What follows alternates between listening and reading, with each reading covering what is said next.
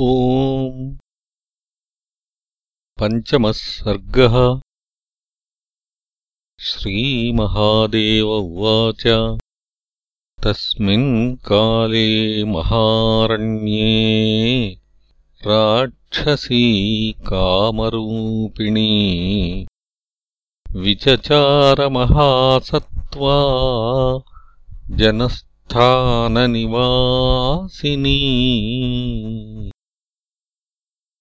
एकदा गौतमीतीरे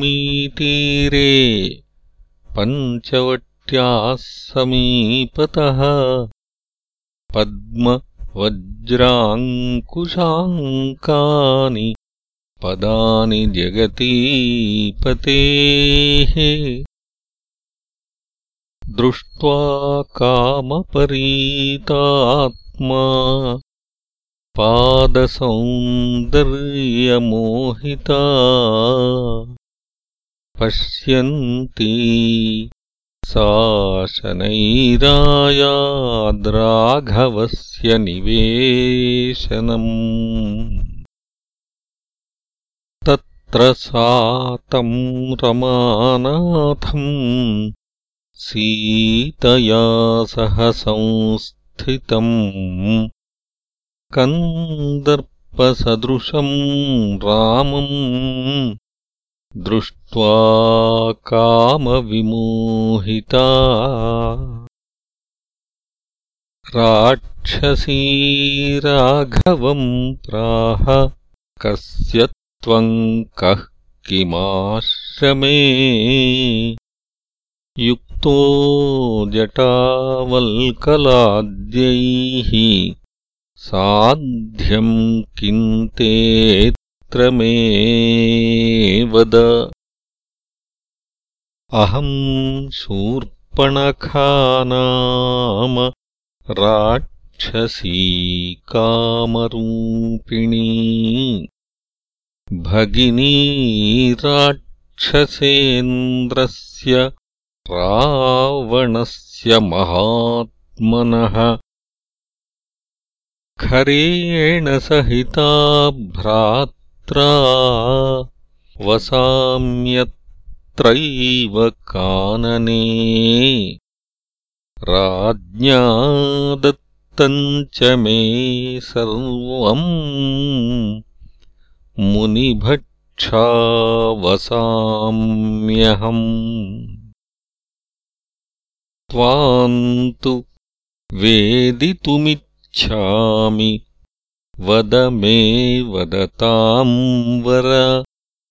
तामाह रामनामाहम्। अयोध्याधिपतेः सुतः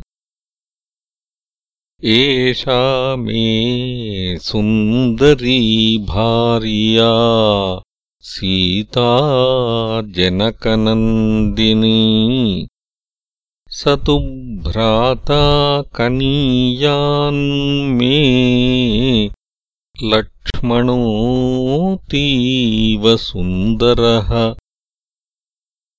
किम् कृत्यन्ते मया ब्रूहि कार्यम् भुवनसुन्दरी इति रामवच श्रुत्वा कामार्ता साब्रवीदिदम्।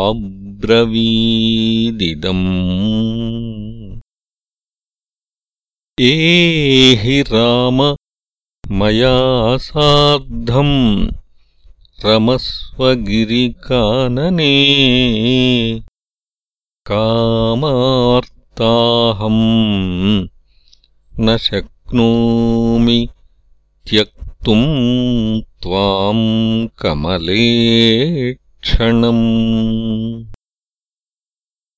रामः सीताम् कटाक्षेण पश्यन् सस्मितमब्रवीतु। भार्या ममैषा कल्याणी। विद्यते ह्यनपायिनी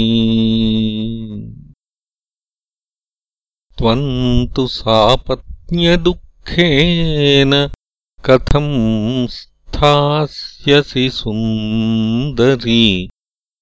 बहिरास्ते मम भ्राता लक्ष्मणोऽतीव सुन्दरः तवानुरूपो भविता। पतिस्तेनैव सञ्चर। इत्युक्ता लक्ष्मणम् प्राह। पतिर्मे भव सुन्दरा।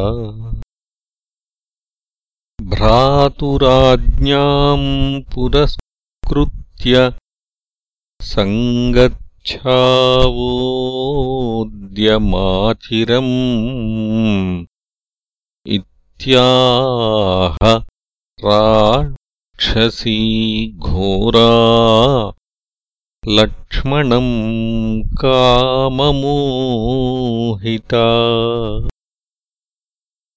तामाहलक्ष्मणः साध्वि दासोऽहम् तस्य धीमतः।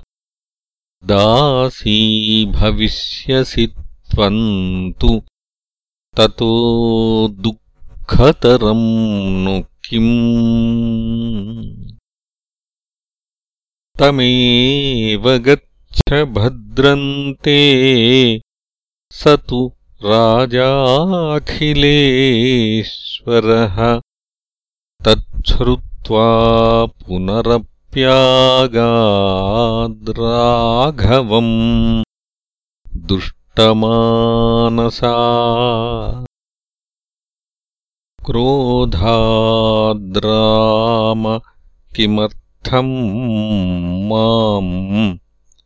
भ्रामयस्यनवस्थितः इदानीमेव ताम् सीताम् भक्षयामि तवाग्रतः। इत्युक्त्वा विकटाकारा जानकीमनुधावति ततो रामाज्ञया खड् गमादाय परिगृह्यताम्। चिच्छेदनासाम् कर्णौ च लक्ष्मणो लघुविक्रमः। ततो घोरध्वनिम् कृत्वा रुधिराक् तव पुर्द्रुतम्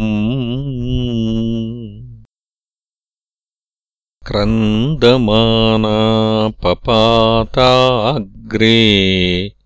खरस्य परुषाक्षरा किमेतदिति तामाह खरः खरतराक्षरः केनैवम् कारितासि त्वम् मृत्योर्वक्त्रानुवर्तिना। वद मे तम् वधिष्यामि कालकल्पमपि क्षणात् तमाह राक्षसी रामः सीतालक्ष्मणसंयुतः दण्डकम् निर्भयम् कुर्वन्नास्ते गोदावरीतटे। मामेवम् कृतवांस्तस्य भ्राता तेनैव चोदितः यदि त्वम् कुलजातोऽसि वीरोऽसि जहि तौ रिपू। तयोस्तु रुधिरम् पास्ये भक्षयैतौ सुदुर्मदौ। नो चेत्प्राणान् परित्यज्य यास्यामि यमसादनम्। तच्छ्रुत्वा त्वरितम् प्रागात्खरः क्रोधेन मूर्च्छितः। चतुर्दशसहस्राणि रक्षसाम् भीमकर्मणाम्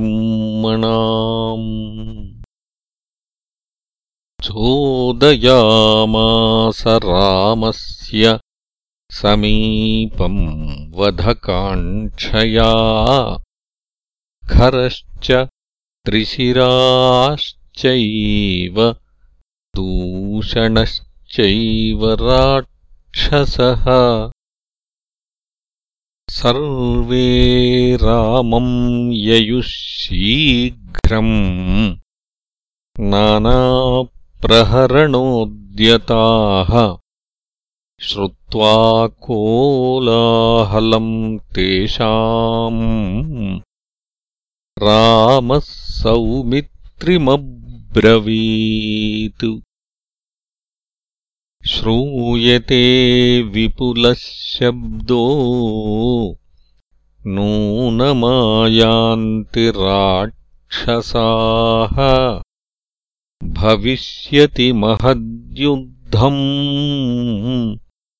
नूनमद्य सह। सीताम् नीत्वा गुहाम् गत्वा तत्र तिष्ठमहाबल हन्तुमिच्छाम्यहम् सर्वान् राक्षसान् घोररूपिणः। अत्र किञ्चिन्न वक्तव्यम् शापितोऽसि ममोपरि।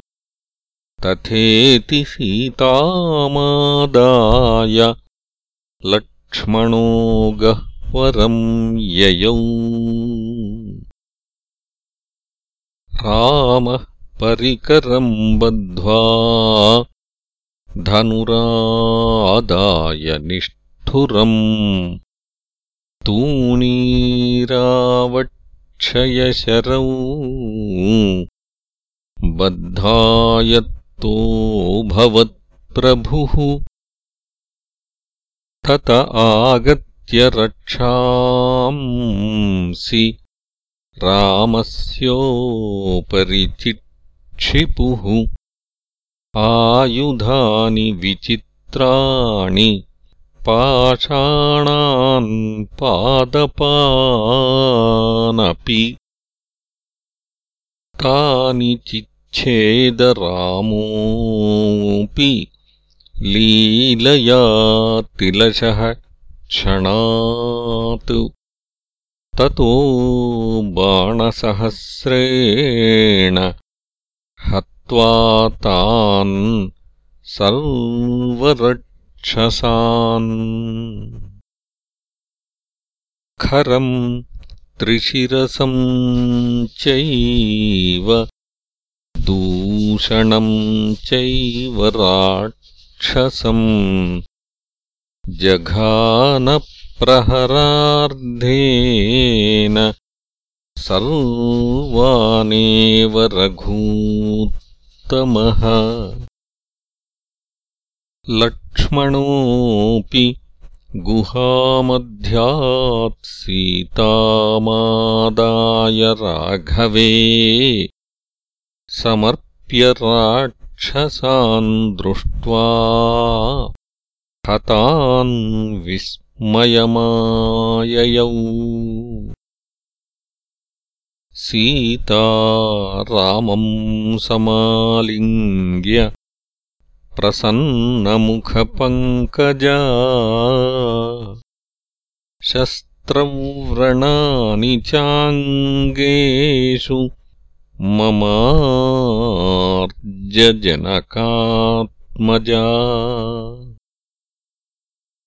सापि दुद्राव दृष्ट्वा तान् हतान् राक्षसपुङ्गवान्। लङ्काम् गत्वा सभामध्ये क्रोशन्ती पादसन्निधौ। रावणस्य पपातोर्व्याम् भगिनी तस्य रक्षसः ताम् रावणः प्राह। भगिनीम् भयविह्वलाम्। उत्तिष्ठोत्तिष्ठवत्से त्वम् विरूपकरणम् तव कृतम् शक्रेण वा भद्रे यमेन वरुणेन वा। कुबेरेणाथवा ब्रूहि भस्मीकुर्याम् क्षणेन तम् राक्षसीतमुवाचेदम् त्वम् प्रमत्तो विमूढधीः पानासक्तः स्त्रीविजितः षण्ढः सर्वत्र लक्ष्यसे चारचक्षुर्विहीनस्त्वम् कथम् राजा भविष्यसि? खरश्च निहतः सङ्ख्ये दूषणस्त्रिशिरास्तथा। चतुर्दशसहस्राणि राक्षसानाम् महात्मनाम् निहतानि क्षणेनैव रामेणासुरशत्रुणा। जनस्थानमशेषेण मुनीनाम् निर्भयम् कृतम्। न जानासि विमूढस्त्वमत एव मयोच्यते रावण उवाच को वा रामः किमर्थम् वा? कथम् तेनासुराहताः? सम्यक् कथय मे तेषाम् मूलघातम् करोम्यहम् शूर्पणखोवाच जनस्थानादहम् याता। कदाचिद्गौतमीतटे तत्र पञ्चवटी नाम पुरा मुनिजनाश्रया।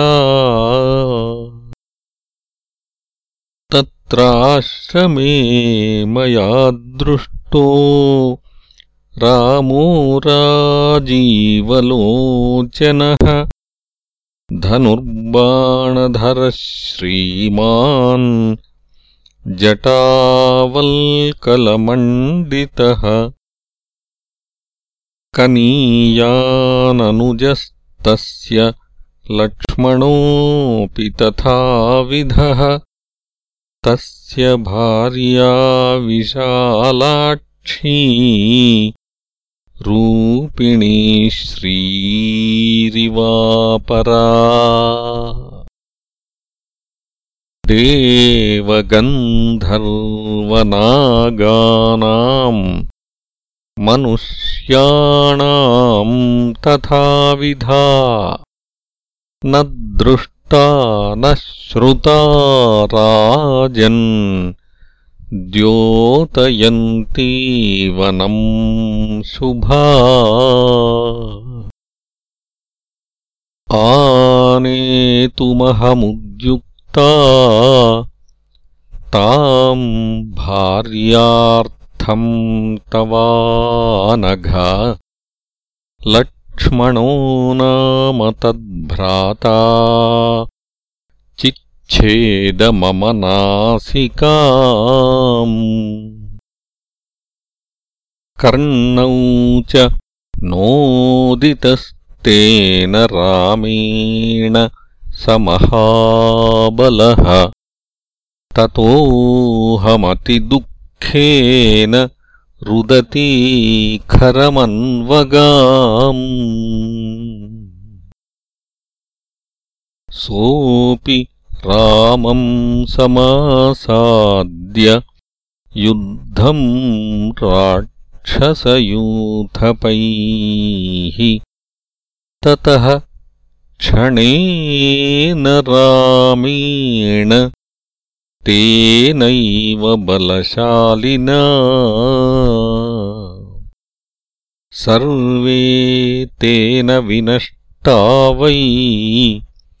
राक्षसा भीमविक्रमाः।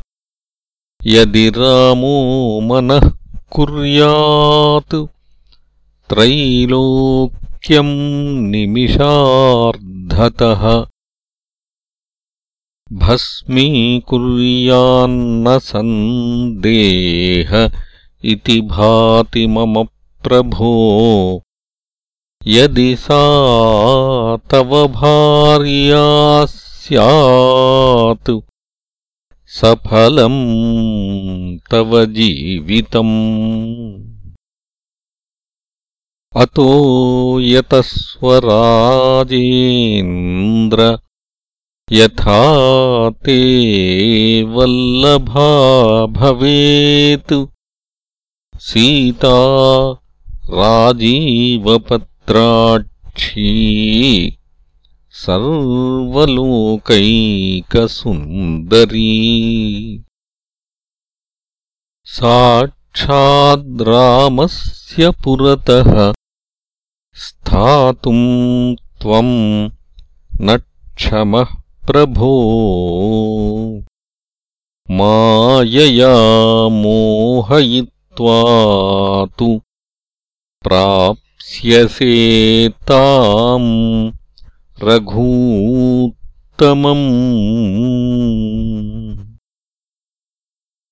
श्रुत्वा तत्सूक्तवाक्यैश्च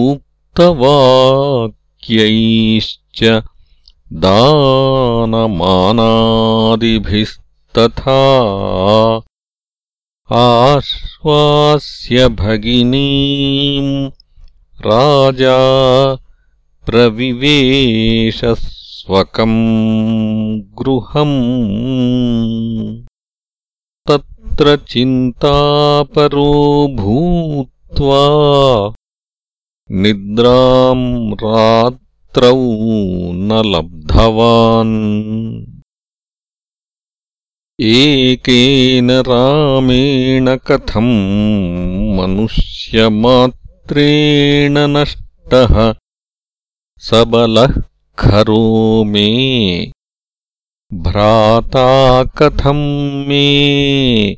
बलवीर्यदर्पयुतो विनष्टो बत राघवेण यद्वा न रामो मनुजः परेशो। माम् हन्तु कामः सबलम् बलौघैः सम्प्रार्थितोऽयम् द्रुहिणेन पूर्वम् मनुष्यरूपोऽद्य रघोः कुले भूत्।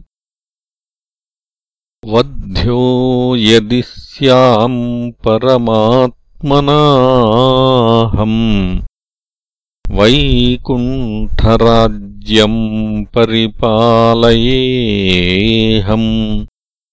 नो चेदिदम् राक्षसराज्यमेव भोक्षे चिरम् राममतो व्रजामि। इत्थम् विचिन्त्याखिलराक्षसेन्द्रो रामम् विदित्वा परमेश्वरम् हरिम् विरोधबुद्ध्यैव हरिम् प्रयामि द्रुतम् न भक्त्या भगवान् प्रसीदेत्। इति श्रीमदध्यात्मरामायणान्तर्गते उमामहेश्वरे संवादे अरण्यकाण्डे पञ्चमः सर्गः